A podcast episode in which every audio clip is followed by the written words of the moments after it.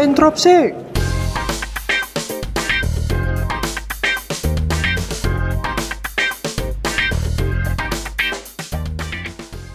Salam teman-teman semua, kembali lagi kita berjumpa di Interupsi, podcast yang membahas tentang segala hal yang ada di Indonesia, internasional, dan segalanya.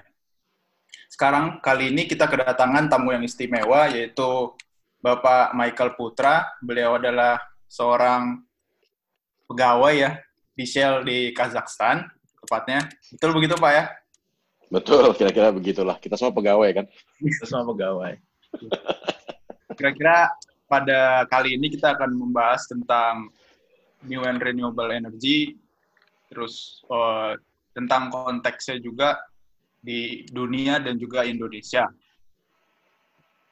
Mungkin langsung aja Mas Putu buat setting konteksnya seperti apa.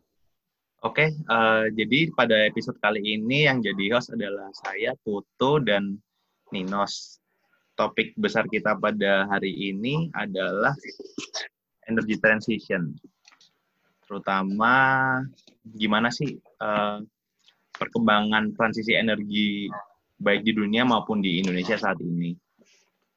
Mungkin uh, awalnya kita jelasin dulu kali ya apa itu energy transition ya. Kalau yang saya baca-baca sih energy transition tuh ya gampangnya kita uh, dunia mulai beralih dari penggunaan energi fosil ke energi yang lebih bersih maupun energi terbarukan. Uh, contohnya energi yang lebih bersih itu bisa gas, bisa misalnya pakai tenaga surya, angin, biomasa dan sebagainya. Seperti itu. Nah, sekarang tuh lagi rame banget energy transition, terutama di negara-negara maju. Kalau uh, lihat dari laporannya IEA ya, International Energy Agency, sekarang itu sudah 25 persenan listrik di dunia itu pakai renewable. Oh, keren tuh. Sebelumnya kan kita pakai batu bara, kita pakai uh, gas juga sih, walaupun masih dikit, yang sekarang makin naik. Uh, kita juga pakai minyak diesel yang emisinya nggak karu-karuan. Nah, setelah itu uh, dengan ramainya energy transition ini juga di ramain lagi sama yang namanya Paris Agreement. Paris Agreement yang di tahun 2015 gitu. Uh, dunia itu kayak bersepakat punya target buat nurunin temperatur global sampai 2 derajat Celcius atau kita kembali ke masa sebelum industrial katanya. Kayak gitu.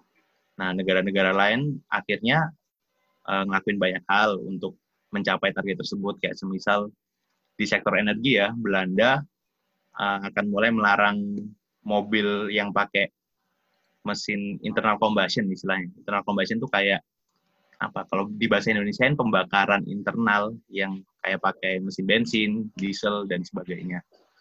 Uh, itu untuk lima tahun ke depan akan mulai di ban dan mungkin yang lebih progresif itu Swedia di mana mereka mengenakan carbon tax ke emiter-emiter emisi karbon tax itu jadi um, istilahnya kalau ada orang ngeluarin emisi yang melebihi kuotanya mereka, maka mereka akan dikenakan biaya seperti itu. Cukup besar, 120 euro per ton CO2. Mungkin per ton, aduh kok kecil ya 120 per ton, cuma normalnya emiter emisi senegara itu ordernya di sekitaran jutaan ton. Jadi kalau dikaliin ya gede juga seperti itu. Nah, kenapa kita hari ini ingin membahas energy transition? Mungkin karena kita tuh ngelihat ini, kami tuh ngelihat apakah dunia ini benar-benar siap untuk beralih gitu ya dari energi fosil yang udah merajalela dari zaman industrial sampai sekarang. Sedangkan uh, banyak hal yang harus dipenuhi kalau semisal Contohnya itu ada dari teknologinya, ataukah mungkin uh, kita juga perlu duit untuk ngembangin si teknologi maupun bikin project-project seperti itu. Nah, untuk itu kali ini kita sudah uh, kedatangan Mr. Mike yang menjadi narasumber penting hari ini. Mungkin bisa cerita dikit backgroundnya Mr. Mike seperti apa? Silakan Pak Mike untuk Oke. Jelaskan. Ma makasih Mas Putu, Mas Ninos. Um, nomor satu disclaimer ya, uh, senang banget ngobrol dengan teman-teman. Uh, tapi ini harus sama pribadi tentunya, nggak boleh sama institusi biar kita lebih santai. Uh, kedua, background saya dulu, um, saya bukan alumni ITB. Nggak tahu is that a plus or minus in this conversation. um, tapi saya ambil kuliahnya bisnis dan masternya Business and Society Management di, di Belanda. Habis itu sempat kerja di Research Institute di Belanda, terus saya gabung Shell, uh, top, uh, kebetulan di bidang climate change memang. Jadi my first job in Shell adalah justru malah with Shell Renewables di Belanda. Kemudian saya masuk ke carbon policy, ke carbon management, bagaimana perusahaan energi perusahaan migas setelah Shell memanage uh, CO2 policy. Dan ini kita bicara tahun 2000 2006. Jadi sudah 15 tahun yang lalu kita sudah menyiapkan bagaimana perusahaan sebesar ini bisa bertransisi. Um, setelah itu saya kerja di beberapa proyek di Shell, termasuk sempat di Indonesia juga uh, tahun 2011-an, terus sempat di Australia, kemudian sekarang saya bertugas di, di Kazakhstan. Tapi portfolio saya selama di Shell dari mulai renewables, climate change, major projects di oil dan di gas. Dan sekarang saya kembali lagi uh, di Kazakhstan di mana kita punya uh, dua uh, oil fields yang yang lumayan besar. Jadi itu background saya Mas Putu. Boleh langsung kita terjun ke topik yang tadi sangat menarik itu? Boleh, sangat menarik. Jadi uh, okay. kenapa kami mengundang Mr. Mac juga salah satunya adalah background beliau yang luas ya, jadi tidak hanya berasal dari uh, sisi renewable energy, tapi juga dari apa ya, fosil energi juga yang kami harapkan uh, punya pandangan yang lebih luas terkait konteks energy transition ini. Seperti itu. Nah, mungkin uh, langsung aja Pak, pertanyaan pertama nih yang pertama. Memangnya energy transition itu apakah visible untuk dilakukan di dunia ini? Mengingat kita sudah banyak sekali ter uh, apa ya tergantung dengan energi-energi fosil seperti itu. Jawabannya simpel sih, harus visible uh, butuh karena I don't think we have any other option. Uh, energy transition adalah sebuah keniscayaan. Tinggal permasalahannya kenapa seolah-olah ada orang percaya, ada orang-orang nggak percaya renewable energy transition. Sebenarnya bukan masalah itu. Masalahnya adalah perbedaan persepsi antara para stakeholders tentang seberapa cepat itu bisa dilakukan. Bukan harus ya, seberapa cepat itu bisa dilakukan. Kalau saya boleh pinjam analoginya tuh, kita semua, semua orang di stakeholders di bidang energi dan uh, dan ekonomi bahkan, bisa bilang kita semua sepakat kita mau naik gunung Cuma ada satu orang yang berpikir kita naik gunungnya gunung gede, ada satu orang yang pikir kita naiknya gunung Everest. Jadi skala dan um, persepsi betapa rumit dan sulitnya ini berbeda-beda antar orang. Ada yang bilang kita harus bisa 100% renewable dalam 10 tahun. Ada yang bilang, tunggu dulu, bukannya gue nggak setuju kita harus 100% renewable, tapi menurut gue itu nggak mungkin. Nah, kemudian saya rasa terutama teman-teman dan kita semua lah praktisi energi yang, masih punya karir 10, 20, 30 tahun ke depan, perlu membantu memframe diskusi ini ke ranah teknokratis di mana yuk kita lihat datanya seperti apa, kenyataan realita kebijakan, investasi dan seterusnya seperti apa. Sehingga clear di depan, bukannya kita, bukannya ada yang bilang ah nggak nggak nggak nggak mungkin atau nggak bisa atau nggak perlu bahkan bilang energy transition. Saya rasa kita udah move beyond that. Saya rasa kita semua sepakat bahwa uh, untuk dunia yang lebih berkesinambungan kita perlu uh, low carbon energy system. And how to get there, ya kita harus bicara secara teknokratis saya rasa. So, dan memang kadang-kadang hal-hal soundbites gitu ya kayak tadi Putu bilang, oh Swedia 120 eh, dolar per ton carbon tax. That's relatively high today dibanding negara-negara lain. Tapi kalau kita jujur kita bicara skala, kalaupun besok Swedia 0 ton CO2, does it make any difference in the world? Emisi CO2-nya Swedia berapa sih? Yeah. EU sekalipun gitu ya, dibuat nol besok. Tapi kalau China, US, Indonesia uh, terus nambah, apa impact-nya? Dan ini yang kemudian membuat diskusi energi transisi atau perubahan iklim atau pengurangan CO2 menjadi rumit secara geopolitik karena um, ini uh, uh, permasalahan apa namanya tragedy of the commons kan. Saya mengurangi CO2 saya at the cost misalnya orang Swedia gitu. Gua ngurangin CO2 gua karena gua harus bayar 120 dolar per ton. Tapi kenapa teman gue yang tinggal di Shanghai, di Jakarta, di Meksiko, bisa bakar, bisa pakai listrik, pakai AC di mana-mana dengan listrik yang dari batu bara kotor, mereka nggak peduli. Why? Jadi kita tidak hanya bicara skala makro kebijakan, tapi juga skala makro individual consumer behavior. Anda misalnya beli bensin, uh, berapa banyak konsumen yang sebenarnya mampu, tapi beli bensin yang uh, emisinya masih medium atau bahkan lebih parah lagi beli premium malah yang disubsidi ya kan. Kalau ada bensin yang harganya 1.500 per liter lebih mahal, tapi dia bilang ini lebih bersih secara emisi atau ada offsetnya, berapa banyak dari kita sendiri deh yang mau beli? That's a iya. question mark. Ya. Jadi ini yang kemudian membuat menjadi dilema dan membuat diskusi ini menjadi uh, kompleks dalam konteks teknologinya, kebijakannya, tapi yang paling susah bagi saya adalah individual human consumer behavior to drive this. Oke. Okay. Uh, eh, kalau kita kaitin dengan individual behavior itu ya Pak, uh, kalau tadi Pak Michael mengambil contohnya, kalau Swedia ataupun EU, emisinya berapa sih gitu? Dibandingkan dengan negara-negara yang mungkin berkembang kayak China, Indonesia, dan mungkin India gitu ya uh, di mana negara-negara itu kan masih banyak orang-orang ataupun konsumen energi yang istilahnya ekonominya tidak setinggi orang-orang di EU gitu. Nah, maka uh, pilihan untuk beralih ke energi yang lebih bersih dengan mengeluarkan budget yang lebih tinggi untuk menggunakan energi bersih itu, itu kan akan menjadi satu constraint ya untuk orang-orang itu beralih.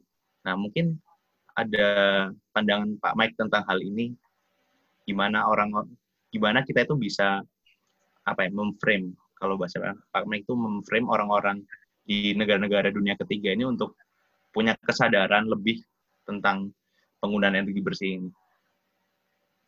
Oke, okay. uh, let's take few steps back dulu, Put. Uh, karena kita udah mulai masuk ke ranah mungkin kebijakan untuk uh, uh, disrupt consumer behavior. Tapi sebelum ke sana, um, kita juga mesti clear kembali lagi ke masalah skala tadi ya. Uh, kebijakan seperti apa dan di sektor apa sih yang yang tepat untuk untuk mengarah ke sana. Kayak tadi sempat disebut uh, renewable energy sekarang udah 25 persen ya dari listrik. Yeah. Tapi remember itu 25 persen dari listrik. Kalau kita bicara energy, renewable energy masih 10 persen. Ya, ini juga pemerintah juga perlu clear. Ini berapa kali saya kalau membaca diskursus ini kadang-kadang memang kita sering memix antara presentasi dari listrik sama presentasi dari energi. Yeah. Kalau kita ngelihat konsumsi fossil fuel uh, dari global energy mix, uh, global energy supply, um, itu oil hampir hampir eksklusifly untuk transport. Ya. Dan di sini kita juga harus realize kenapa, kenapa itu seperti itu. And, and, and we can talk about it in a minute. Ketika tadi bicara misalnya uh, consumer behavior misalnya di bidang uh, transportasi, then we have to be very specific. Um, consumer behavior di bidang transportasi terkadang di kebanyakan dunia 90% bukan masalah mau atau nggak mau sih. There is no other option at the moment kalau kita lihat energi, uh, mobil listrik ya, mobil listrik itu jumlahnya kenaikannya lumayan pesat kalau saya nggak salah. Dalam 4-5 tahun terakhir dari cuma sekitar satu juta mobil, sekarang mungkin 7 juta mobil udah available globally. Tapi do you know the total population of cars in the world? 1,4 miliar mobil. Hmm. Jadi ketika kita melihat pertumbuhan mobil listrik itu sangat pesat, uh, dari katakanlah 2 juta sekarang jadi katakanlah 8 juta dalam waktu 4 tahun. Pesat kan? Tapi ya. ini tadi, ini kita baru sampai Cibodas, sementara tujuannya tuh Everest gitu kan. jadi, jadi iya dari dari Jakarta ke Cibodas itu naik apa ketinggiannya altitude-nya cuma cepat naiknya, tapi tujuan kita utama tuh Everest. Jadi jadi ini kemudian menjadi apakah konsumen memang benar-benar sudah punya pilihannya? Jawabannya belum. Kalau untuk di sektor transportasi, itu kita baru bicara transportasi darat. Kedua, kita bicara penggunaan oil di bidang transportasi udara misalnya. Kalaupun besok ada gitu ya teknologi pesawat bisa terbang pakai baterai, siapa yang mau jadi penumpang pesawat itu? Takut baterainya habis ya di tengah jalan. kan nggak lucu kan pakai pakai battery bank semua colokin buat kecap pesawat. Uh, anyway, the point is uh, kemudian kita bicara yang oh ya sebelum saya masuk ke, ke ke yang lain yang juga penting yang sering kita gampangkan ya. Logistik.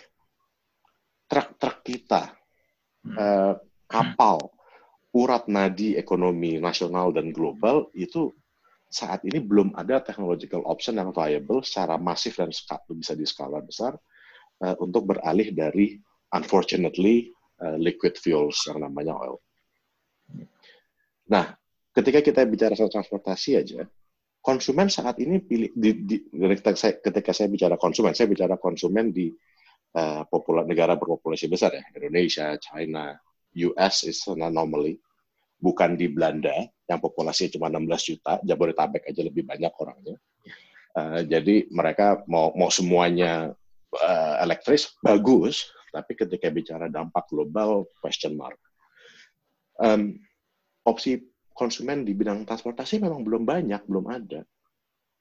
Um, jadi mau terutama kalau kita bicara negara Indonesia, saya kok nggak ngelihat policy apa yang bisa membuat konsumen beralih lawang pilihannya belum ada belum siap gitu kan yang memang tidak membantu adalah misalnya terakhir saya tahu di kalau Indonesia kalau mau beli Camry yang hybrid malah dapat pajak tambahan.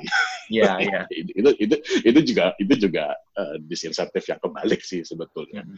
Seharusnya ya kalau kayak Prius, mobil hybrid ya pajaknya harusnya Kurangi. dibuat lebih dikurangin lah. Yeah. Tapi itu itu that will be a good step, tapi it's by far not sufficient karena pilihannya belum ada. Um, kalau itu dari sisi sektor konsumen di bidang transportasi. Tapi ada ketika kita bicara energi transisi, kita juga harus melihat sektoral. Nah, tadi kita udah bahas beberapa subsektor transportasi yang masih sulit kayaknya untuk bertransformasi dalam waktu dekat karena teknologinya belum ada. Tapi ada juga sektor-sektor seperti industri seperti semen, baja, beberapa industri plastik dan kimia itu saat ini juga belum bisa beralih ke listrik. Karena simply eh, teman-teman yang yang orang-orang teknik ITB lah kenapa? Karena densitas energi dan dan temperatur tinggi masih belum bisa diproduksi oleh listrik.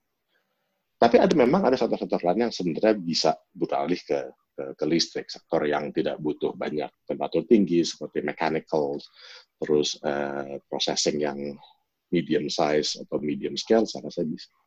Jadi ini perlu dipilah-pilah bahas sektor. Pilihannya ada atau enggak, baru kita bisa bicara bagaimana membuat konsumen untuk memilih.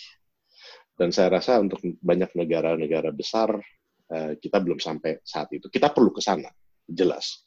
Tapi pilihannya perlu dibuat dulu seperti kayak misalnya kita bicara transportasi publik di Jakarta deh, gimana mau memaksa orang uh, pindah ke transportasi publik kalau pilihan yang relatif aman dan nyaman belum ada. Jadi consumer behavior itu saya rasa nanti agak sedikit bisa dipush kalau memang pilihannya sudah dibuat ada. Gimana membuat pilihannya ada dan kita bicara ke masalah infrastruktur kebijakan dan infrastruktur investasi. Kenapa orang investasi buka toko di mall. Karena ada mallnya, karena dia punya supply chain-nya, karena dia bisa ngerekrut orang-orangnya, karena dia bisa punya manajernya, karena mallnya pakai AC, karena ada konsumennya. Yang namanya bisnis investment di mana-mana sama. Mau di bidang migas, energi terbarukan, consumer goods, restoran, semua ini harus ada. Tinggal refleksi aja di negara tersebut sudah ada belum itu semua. Yes. Very interesting. Jadi muncul banyak pertanyaan kalau begitu. Ini Ninos ada yang mau tanya dulu? Belum ada om. Nah, itu saya mau nyambung ini, uh, Pak Mike, uh, agak balik dikit. Kalau dari penjelasan barusan bahwa ada sektor-sektor yang kita bisa enhance uh, di renewables-nya, ada sektor-sektor yang kita nggak bisa ataupun belum bisa gitu ya. karena mungkin halangan teknologi. Jadi sebenarnya energy transition ini apakah memang secara konsep full transition atau secara natural aja kita itu uh, sebenarnya hanya menyeimbangkan, bukan full transisi ke uh, energi renewable gitu. Um, kalau saya rasa nggak bisa dibiarkan natural aja let let whatever happen happen. Saya saya pikir we cannot afford that uh, as as global citizens ya. Saya pikir memang harus dipaksa. Ada pemaksaan tertentu tapi by, dengan rancangan ya by design. Um, karena kalau dibiarkan tanpa ada disrupsi kebijakan atau atau disrupsi teknologi, um, dan we can kiss that 2 degree Celsius target goodbye uh, yang yang disepakati di Paris dan dan mungkin sedikit kenapa sih dua derajat Celcius itu penting um, sebenarnya saya juga banyak bertanya kenapa sih ya lah dua derajat Celcius temperatur pagi sama temperatur pagi sama malam aja bisa tiga derajat, empat derajat, lima derajat gitu kan. Apalagi kalau di negara empat musim. Tapi kadang-kadang orang-orang suka gagal paham kenapa itu penting. Sebenarnya kalau anak-anak ITB pasti bisa lah ngebayangin uh, kurva bell curve. Yep. Katakanlah kurva bell curve ini adalah uh, average temperature gitu ya. Di mana sebenarnya kenapa dua ini menjadi penting? Karena kita bicara tentang probabilitas extreme climatic events to happen. Jadi kalau kita bayangkan globe apa kurva bell curve yang tadinya extreme climatic event itu di ekor kanan dan ekor kiri yang, yang kecil, Ya. Ketika terjadi shift 2 derajat Celcius sedikit saja, ya kan? Tiba-tiba kurva yang sebelah sini menjadi besar. Probabilitas of the climatic event. Dan itu yang kenapa menjadi penting 2 derajat Celcius. Jadi dengan resiko itu secara global dan ini akan berdampak banyak bukan cuma ke uh, saudara-saudara yang kurang beruntung di di daerah miskin seperti Afrika atau di tidak, tapi juga perubahan pola tanam, masuk ke pangan, masuk ke ketahanan uh, energi juga, ketahanan uh, daerah pesisir dan seterusnya. Dengan dampak yang sebesar itu, saya rasa kita tidak boleh uh, membiarkan energi transisi berjalan ya ala kadarnya atau ya sebisanya kalau udah saatnya pindah-pindah. Jadi memang harus ada active efforts untuk membuat ini terjadi. Dan dan itu bukan tugasnya pemerintah doang, bukan tugasnya bisnis doang, bukan tugasnya konsumen doang we really need to, to tackle this together. And that is what makes it so difficult. Um, so we cannot afford that uh, put kecuali uh, harus harus masuk ke ke, ke ranah intervensi. Uh, tadi saya barusan baca ada yang nulis, jadi udah nggak bisa business as usual. That's very true. In fact, yeah. let's make that the business as usual adalah effort that we have to make it usual that continuous effort for energy transition is business as usual, in fact. Yes. Uh, bahasanya sekarang normalize renewable energy as the new normal ya. Correct. Clean cleaner energy will need to be the the, the new normal. Yeah. Dan dan PR PR itu masif. Saya termasuk golongan orang yang melihat kita naiknya itu Everest bukan naik gunung gede.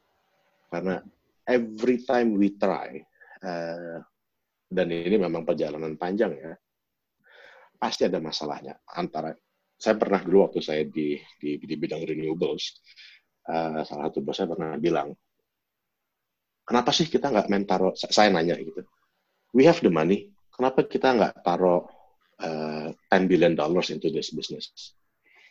Dia jawabannya simple, you just cannot put 10 billion dollars in a 2 million dollar business. Absorption rate-nya tuh nggak ada. Kalaupun ada duitnya, nyari orangnya nggak ada.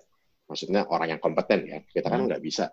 Misalnya ya. Anda dikasih 10 billion dollars untuk bikin uh, solar power company gitu. Tapi kalau nggak bisa ketemu CEO yang mumpuni, yang punya pengalaman, nggak bisa ketemu solar engineers yang cukup bisa punya supervisory role di lapangan, nggak bisa punya maintenance group, nggak bisa punya lawyer yang ngerti hukum EBT misalnya. Dan, dan ini kan supply chain-nya belum ada money alone is not enough. You have money, you have government policy, fit in tariff misalnya. Oke, okay, pemerintah uh, passing fit in tariff ada duitnya. Tapi you just have, don't have the people, you don't have the supply chain, you don't have a consumer who wants to pay more. Nggak bisa juga kan? Yes, mungkin yang menarik contohnya Eh, kemarin saya juga baca-baca di Jerman ya. Jerman kan salah satu negara Euro yang punya target ambisius banget di bidang ini ya. Sebenarnya utama itu penurunan emisi yang akhirnya turun ke kebijakan namanya energy Wende gitu ya. Di Jerman itu mereka kayak gencar-gencaran bangun EBT yang salah satunya adalah offshore wind turbine gitu ya di daerah utara, tapi akhirnya nggak jalan juga karena tidak bisa dialirkan ke daerah selatan, tidak ada transmisi listriknya. So that's one of uh, one of the hindrance we have in the world gitu ya. Dan mungkin banyak lagi uh, banyak lagi hambatan-hambatan kayak semisal investasinya ternyata EBT kalau di Jerman tuh 160 miliar dolar dari 2014 sampai 19 lima, untuk lima tahun itu.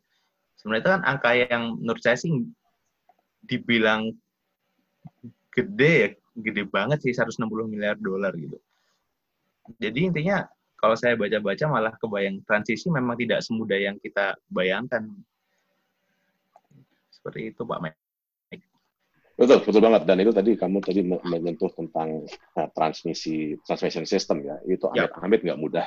Hmm. Yang namanya kembali hmm. lagi ini kalau kalaupun tiba-tiba di Indonesia gitu ya, itu banyak orang mau invest dan bisa dan punya orang yang ada duitnya bikin renewable energy power plants di titik-titik-titik.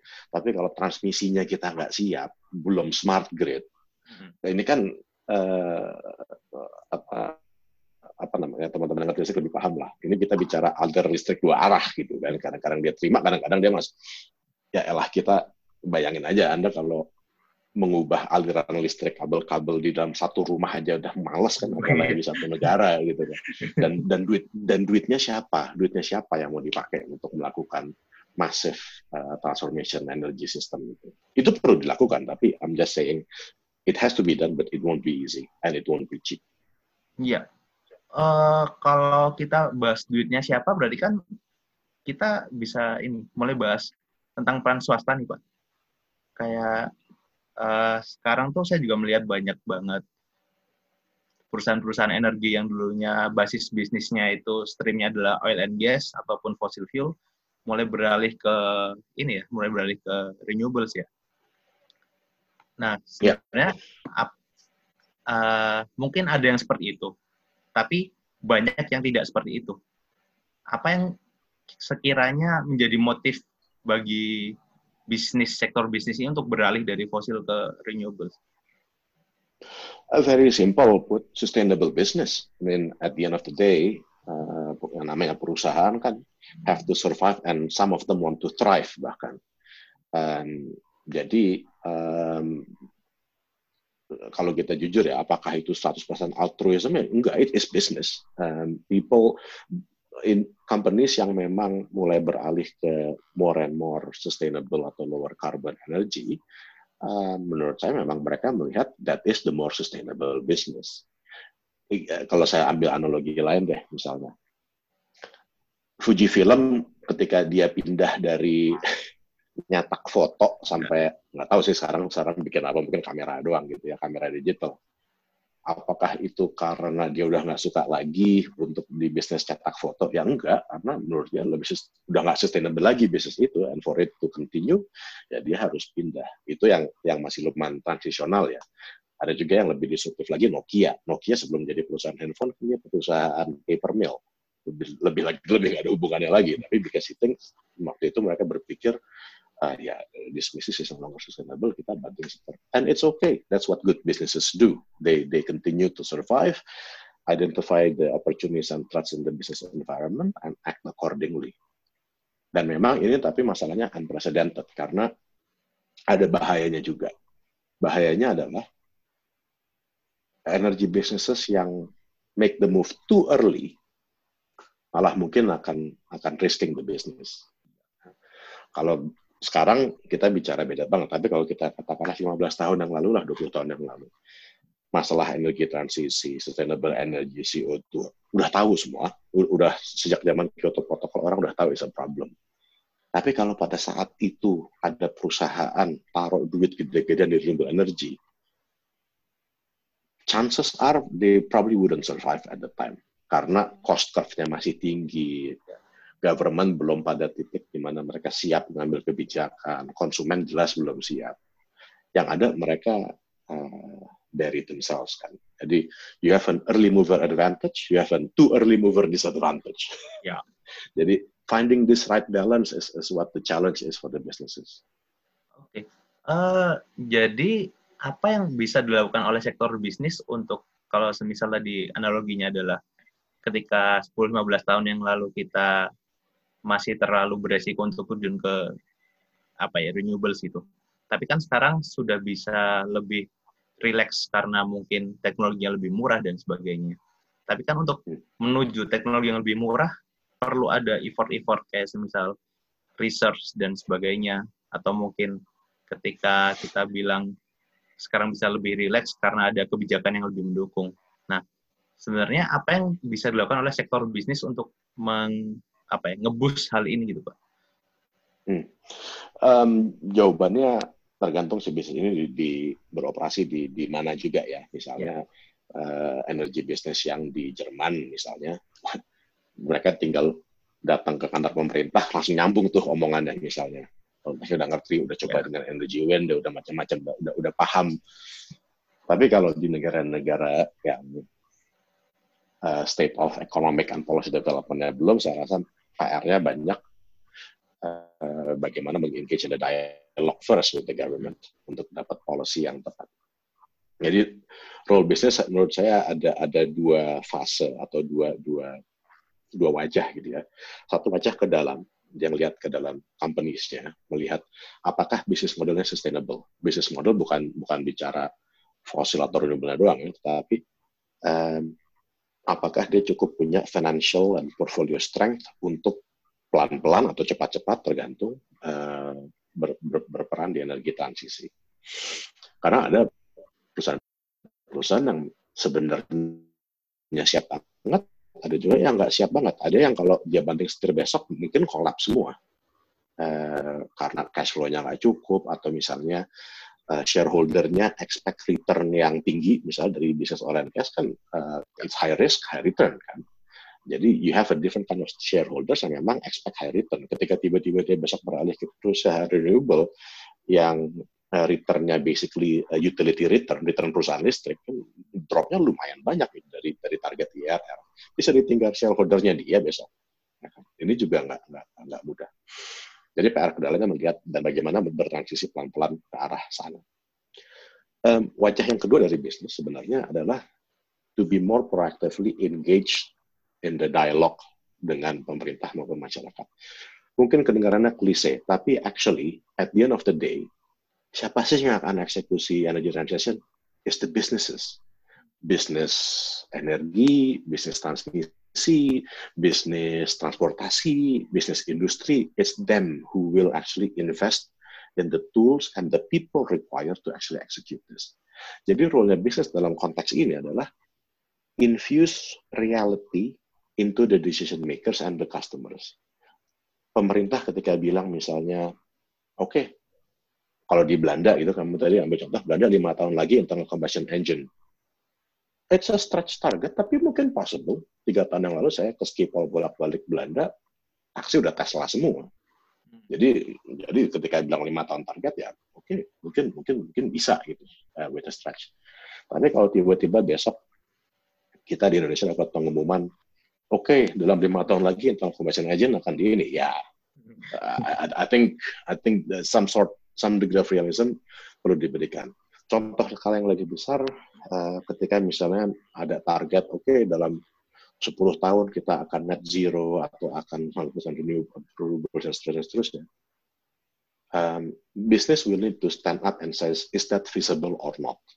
Dan tentu nggak cuma jangan dari satu bisnis atau satu perusahaan ya, because you need many to to avoid the bias. Tapi these businesses will need to raise the voice of reason ketika, oke, okay, target segitu nggak reasonable? Atau oke okay, kalau you mau targetnya ini ini yang kita butuhkan untuk bisa deliver. Fit in tarif segitu nggak kompetitif buat saya. Kenapa? Karena uh, my cost of financing udah sekian. Hmm. jadi itu nggak reasonable.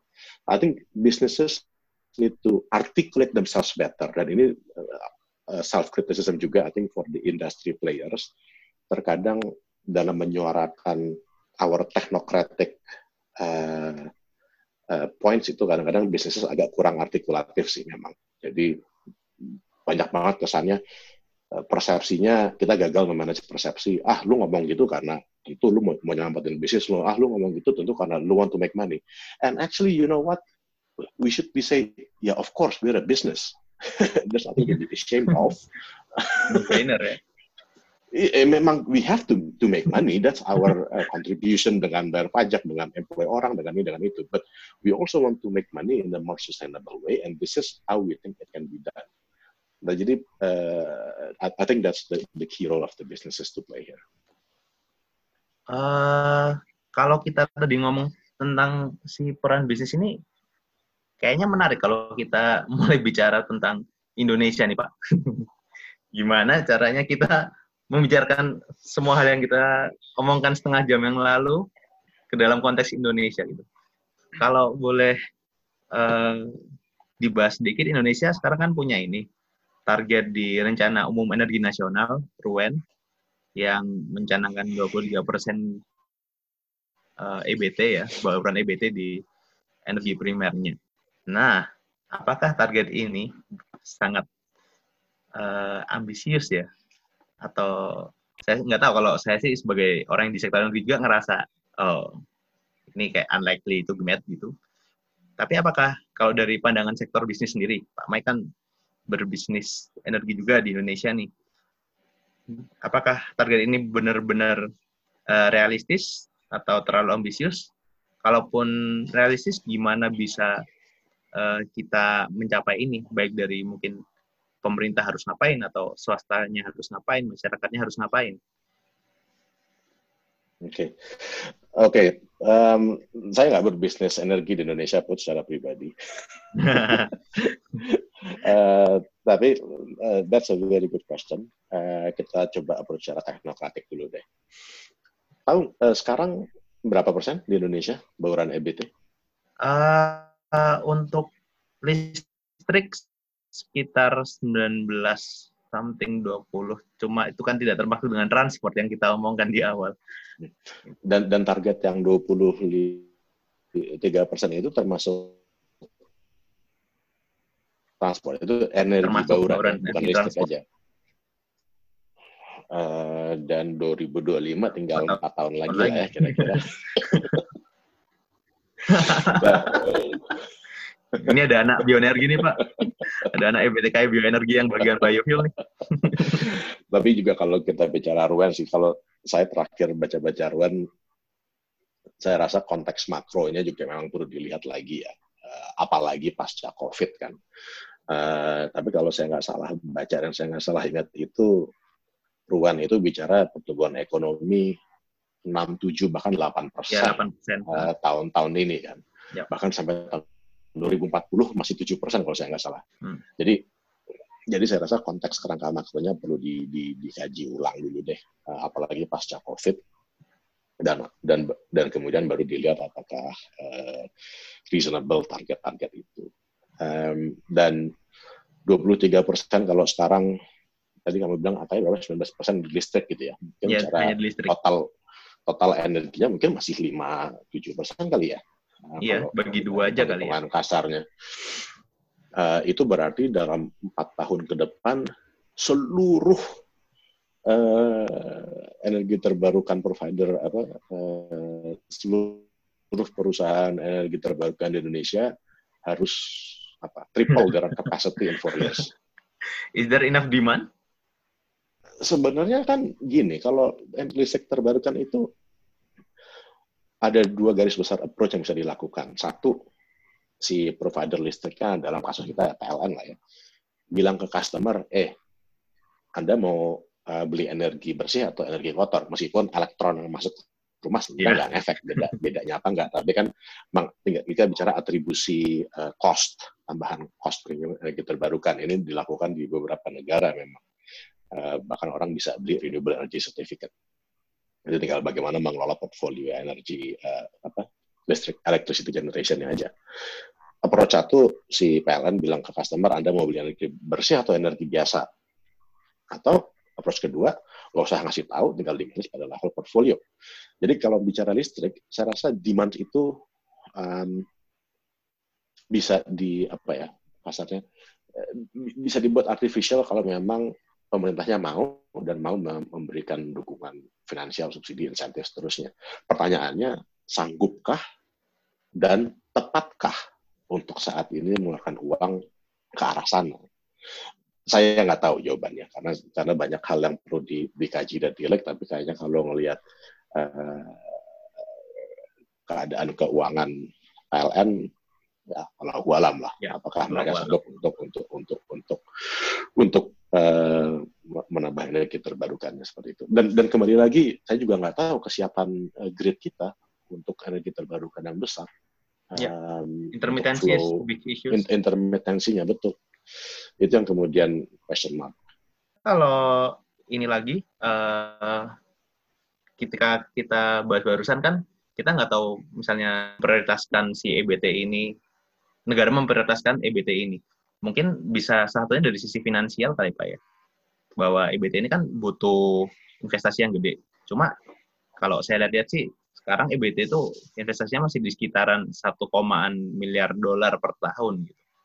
Nah, itu berbanding maksudnya kalau dibandingkan dengan uh, investasi di sektor listrik yang non EBT itu hanya sekitar 15% dari total investasi listrik untuk yang IBT dan itu belum digabung sama yang oil and gas dan sebagainya. Nah, isu utamanya kan adalah investasi nih di EBT. Mungkin ada uh, pandangan terkait uh, isu-isu di investasi yang bisa diadres di sini, Pak? Atau gimana kita bisa uh, mengusulkan ke pemerintah apa yang harus dilakukan? Gitu? Um, saya bukan bukan ahli EBT apalagi EBT di Indonesia sih, Tapi uh, kalau kita approach-nya dari pendekatan bisnis gitu ya, uh, kayak tadi kita sempat sentuh membahas adalah at the end of the day, businesses are businesses. Kenapa sesuatu sektor atau subsektor yang investasinya dirasa kurang, itu uh, tinggal dilihat environment-nya aja itu tadi.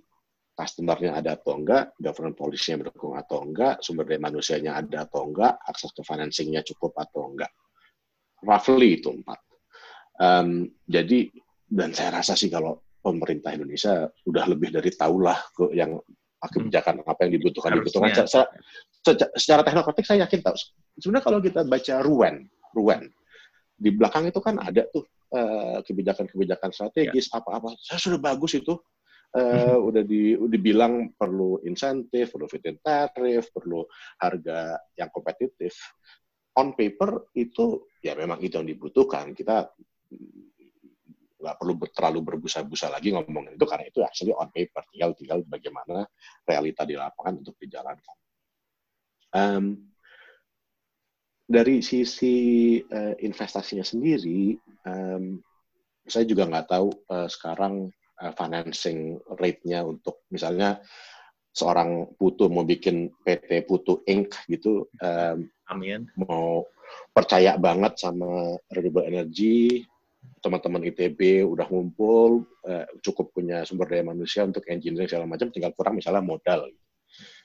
Apakah modalnya eh, bisa di-secure dengan rate yang kompetitif atau enggak, saya nggak tahu. Eh, sekarang berapa rate-nya untuk misalnya Anda cari financing kalau misalnya bukan equity. Mungkin mungkin institutional uh, institusi financing di Indonesia mungkin masih melihat ini high risk sehingga mungkin Anda dapat premium tinggi. Nah, maybe that is also uh, ada peran industri, pemerintah dengan financing institutions untuk duduk, oke, okay, kalau memang political will pemerintah tinggi untuk EBT, kenapa enggak financing untuk terbarukan dibuat lebih kompetitif, misalnya. Hmm. Tapi kembali lagi dalam hukum ekonomi, itu pun ada premiumnya. Somebody will have to bear that delta yeah. risk. Nah, apakah apakah itu kemudian pemerintah yang harus uh, carry that risk demi pelaku EBT dapat more competitive financing? I don't know. Uh, tinggal itu di, di, di, dibahas saja mungkin dengan teman-teman BKF kali. Yeah. Apakah memang ada ruang fiskal di situ dibanding dengan uh, prioritas besar pemerintah. Kalau dilihat dari sisi kebijakan, uh, apakah sudah saatnya pemerintah Indonesia benar-benar put serious money, put serious risk in this area, well, that's that's a question to the highest level of government. Uh, mungkin bisa di-link dengan dilihat uh, apa yang kita um, submit ke UNFCCC misalnya. Apakah itu masuk dari bagian uh, mitigation actions yang Indonesia perlu lakukan, atau kemudian kalau mau lebih think out of the box lagi, apakah ini sesuatu yang bisa Indonesia lakukan dengan support financing dari dari international bodies atau uh, bahkan dari negara lain? Ada banyak mekanisme yang sebenarnya bisa dilakukan dan dan saya rasa toolboxnya teman-teman di sini dan I'm sure banyak banget pakar-pakar uh, di luar sana teman-teman Indonesia yang paham banget toolboxnya kok. I don't think it's a matter of we don't know what to do.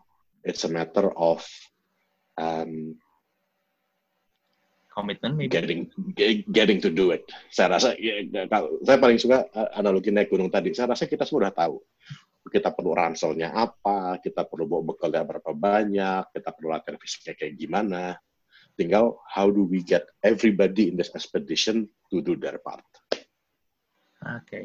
Lebih ini ada yang komen mungkin lebih komitmen politik gitu Pak dari pemerintah. Ya maybe Eh, gimana gimana Pak Mike? Ada yang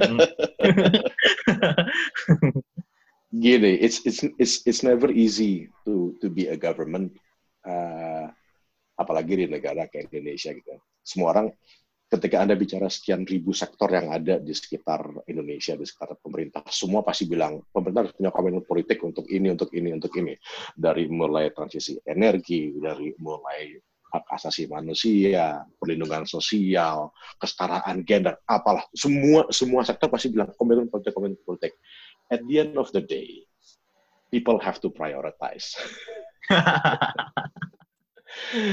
ISR harus prioritize, SDM harus prioritize, perusahaan-perusahaan juga harus prioritize. Semuanya penting, tapi at the end of the day semua harus prioritize. Yes. Um, jadi ya, de, de, apakah kita mau um, apa namanya uh, siapa yang teriak paling keras yang didengar. Saya rasa that's not necessarily the right approach. Tinggal bagaimana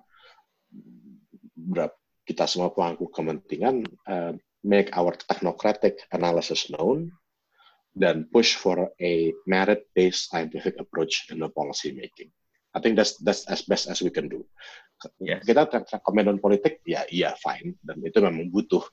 Tapi um, we need to articulate ourselves better. Kenapa itu harus jadi komitmen politik? Hmm. Itu yang saya rasa kita perlu perlu lebih giat lagi ya, uh, mem memplot kenapa sih energi transisi itu harus menjadi komitmen politik dan harus menjadi prioritas dibanding hal-hal lain yang juga penting gitu kan. Hmm. Nah, apa kelamat kenapa sih climate change harus menjadi penting buat Indonesia? Saya rasa artikulasi itu yang yang perlu kita terus perbaiki. Oke. Okay. Hmm. Soalnya dulu sekitar waktu pemilu serentak di 2019 gitu kan, saya pernah baca studinya CSIS bahwa ada survei dari yang dilakukan oleh para calon-calon anggota ini ya, anggota DPR itu. Mereka mensurvei isu-isu apa yang dianggap penting di masyarakat. Dan ternyata environment and climate change uh, is the last issue they concern about. So, mungkin pertanyaannya apa yang dari kita sendiri ya, dari kita sendiri sebagai masyarakat gitu, apa yang bisa kita lakukan buat apa ya, mendukung atau sounding tentang energy transition ini, Pak? Itu saya rasa bukan masalah unik Indonesia sih. Masalah climate change energy transition ini memang beda sama masalah kemiskinan misalnya. Hmm. Yang Anda naik mobil, ngeliat kiri kanan bisa kelihatan. Climate change itu kita punya kita bisa nyalain lampu kita nggak tahu dan nggak ngerasa ini lampu dari batu bara atau dari matahari sih. Dan itu pun eh, dampak rentetannya juga nggak nggak nggak langsung berdampak kan. Um, dan dari skala prioritas uh, masyarakat yang memang uh, listrik masih biarpet, ya kan, uh, uang bensin uh, di motor belum tentu ada setiap minggu ya kalau kita di posisi mereka terus ada orang ceramah tentang climate change bisa kebayangkan rasanya kayak apa. Yeah.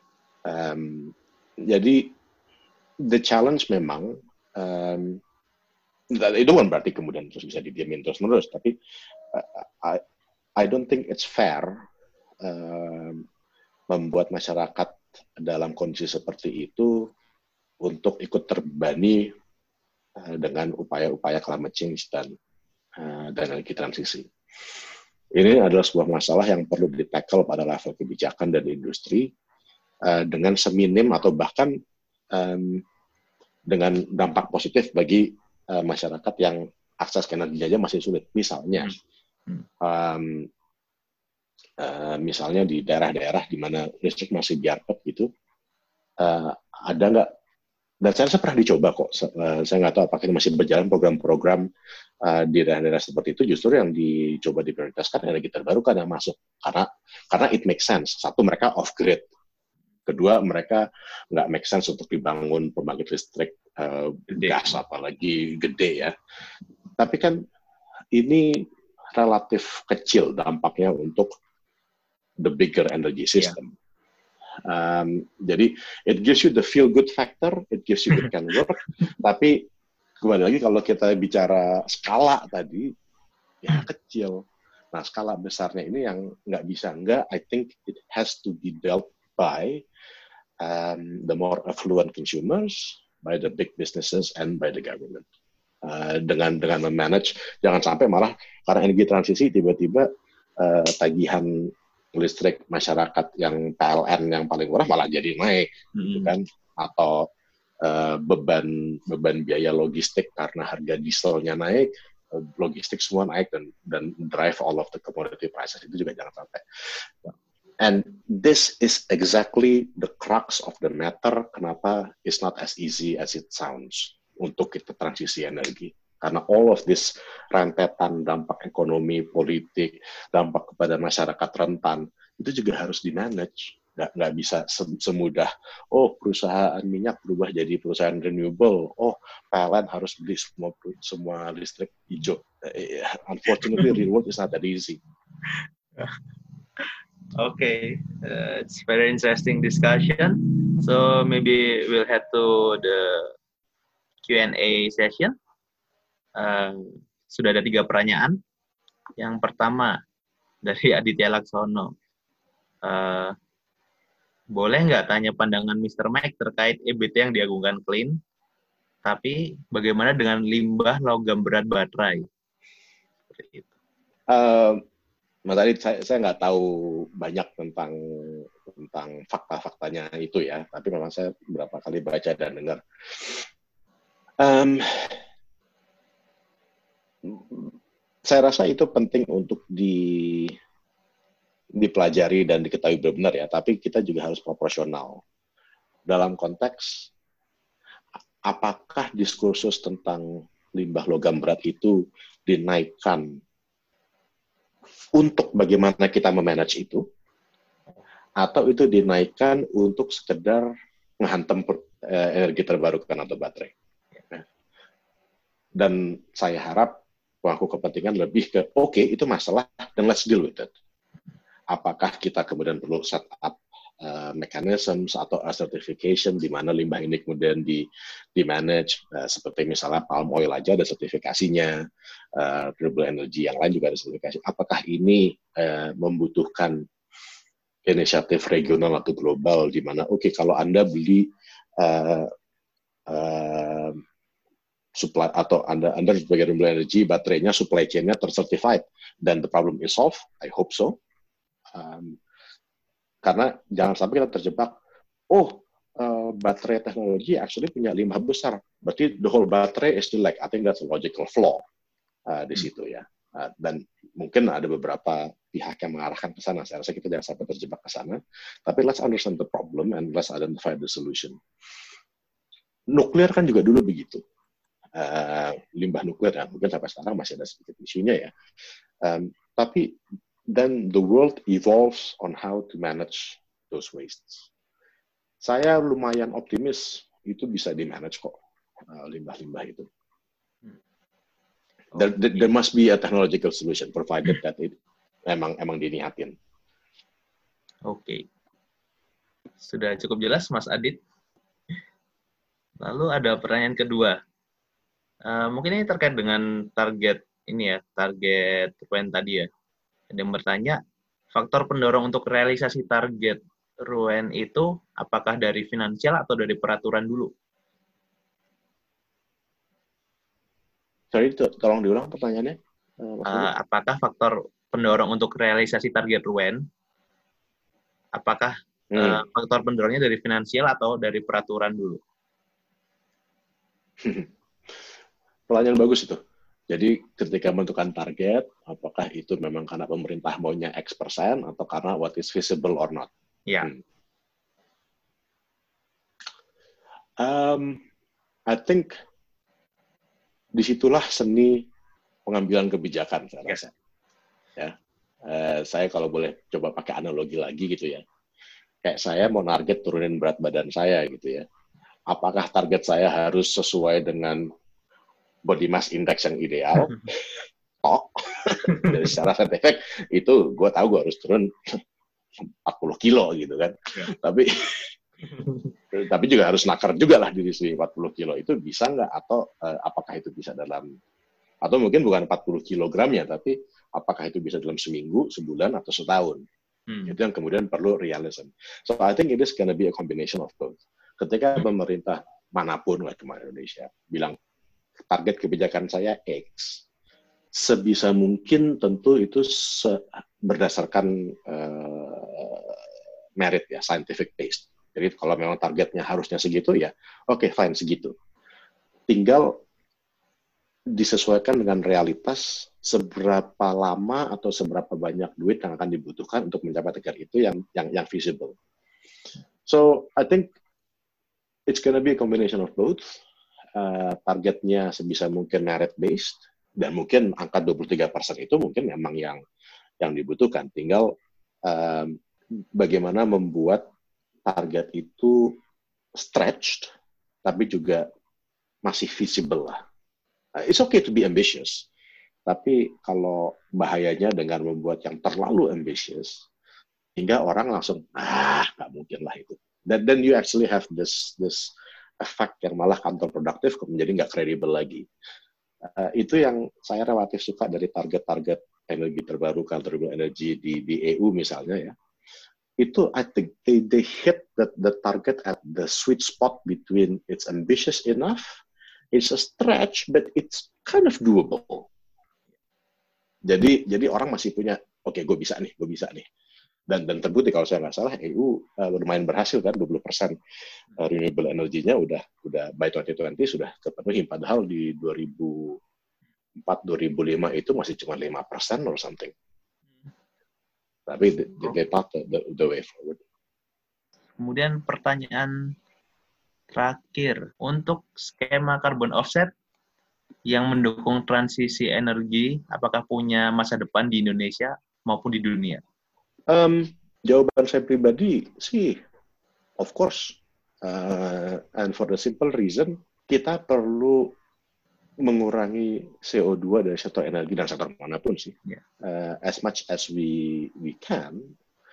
Um, tetapi akan ada sektor-sektor yang tidak terhindarkan akan tetap mengeluarkan emisi gitu misalnya semen, baja, transportasi dan seterusnya. Jadi uh, to meet that target enggak saya rasa kalau kita baca IPCC atau IEE atau mana pun semua pasti punya role untuk offsets. And and I think that's that's okay and and that's that's good and that's needed. Justru malah saya melihat banyak opportunity untuk Indonesia untuk make sure uh, carbon market ini berkembang dengan baik dengan akuntabilitas yang jelas. Kenapa? Karena Indonesia has the resources um, kita sempat berapa kali kan coba um, dengan REDD misalnya yeah. dengan kita yang masih ada. If if we can make economic value untuk masyarakat uh, di sekitar hutan if, kalau mereka bisa kita buatkan skema di mana lebih ekonomis bagi mereka untuk menjaga hutan yang tetap intact dibandingkan hutan yang ditebang that's great. And I think we should explore that more.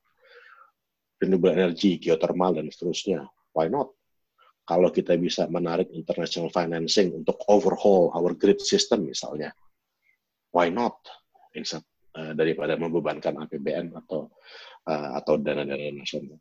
Um, so I think it it it, it is great.